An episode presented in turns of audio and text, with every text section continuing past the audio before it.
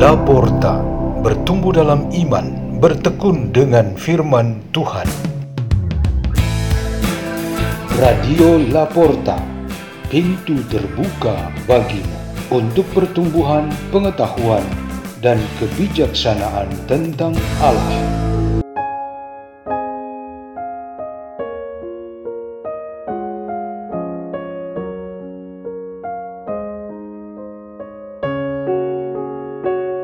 Bacaan dan Renungan Sabda Tuhan Hari Kamis, Pekan Kedua, Masa Biasa, 18 Januari 2024 Dibawakan oleh Matilda dan Irfan Patwana dari Sekolah St. Peter Jakarta di Keuskupan Agung Jakarta, Indonesia.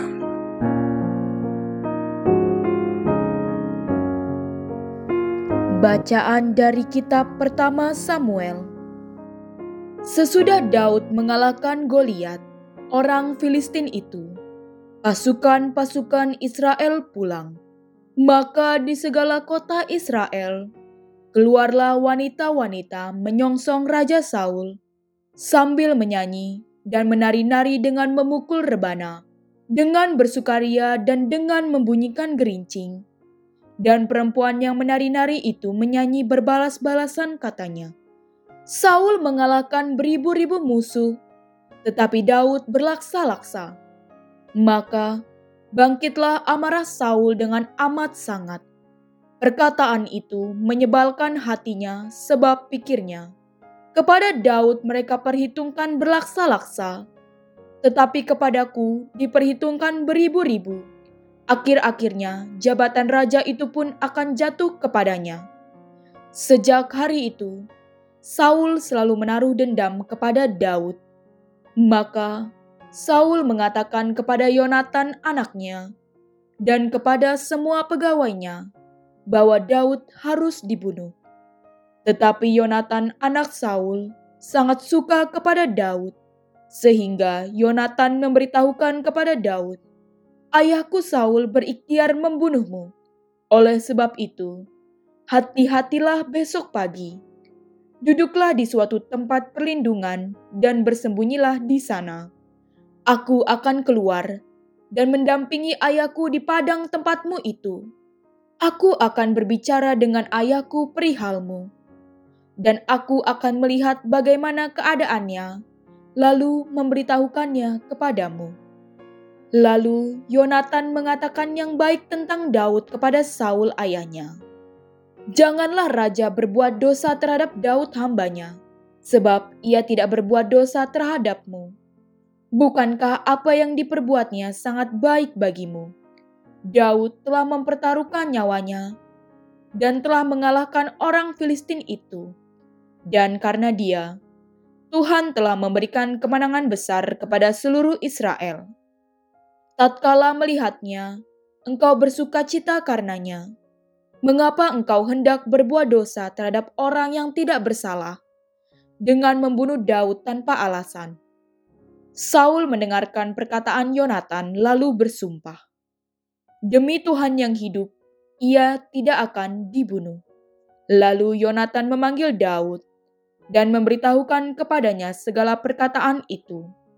Yonatan membawa Daud kepada Saul, dan ia bekerja padanya seperti semula.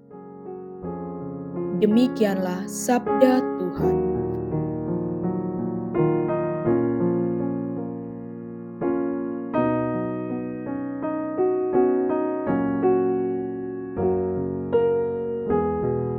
Renungan kita pada hari ini bertema Gelora Iri Hati. Di dalam ajaran iman dan moral Kristiani, iri hati termasuk di dalam tujuh dosa pokok. Iri hati disejajarkan dengan sombong dan marah.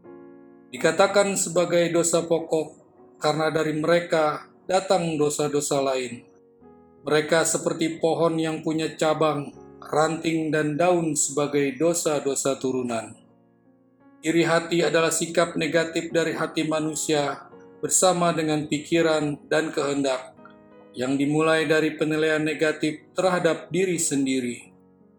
Keadaan berkekurangan ini diperkuat dengan rasa sakit dan marah karena sesama yang lain dalam keadaan lebih baik dan positif daripada dirinya. Inti iri hati ialah kekurangan pada diri sendiri. Kekurangan membuat orang menjadi sakit dan marah. Itu ditujukan kepada orang-orang di sekitar yang memiliki dan berbuat lebih baik daripadanya. Jika orang-orang di sekitar tampaknya menunjukkan kelebihan, kemampuan, atau berkualitas, iri hati dari pihak yang punya kekurangan menjadi lebih bergelora. Ia bisa bersikap berlebihan seperti malu, takut, jengkel, dendam, dan bahkan niat jahat untuk pembunuhan. Hari ini, bacaan-bacaan kita menampilkan dua contoh iri hati yang bergelora ini. Yang pertama ialah iri hati Raja Saul terhadap Raja Muda Daud yang tampil sempurna mengalahkan Goliat. Daud dikarunia roh Tuhan dan Saul ditolak oleh Tuhan. Namun yang lebih menggelorakan iri hatinya ialah berbagai pujian dan dukungan semua orang kepada Daud. Semua itu jelas-jelas merendahkan dan mempermalukan sang raja. Maka Daud dicari untuk dibunuh. Yang kedua ialah iri hati roh-roh jahat yang memasuki orang-orang. Mereka iri hati karena Yesus lebih kuat dari mereka. Tetapi mereka tidak marah dan bertindak keras atau brutal. Mereka ungkapkan itu dengan rasa takut, malu, dan gemetar, karena sebagai roh mereka tahu dengan sangat jelas Roh Kudus yang ada di dalam Yesus Kristus.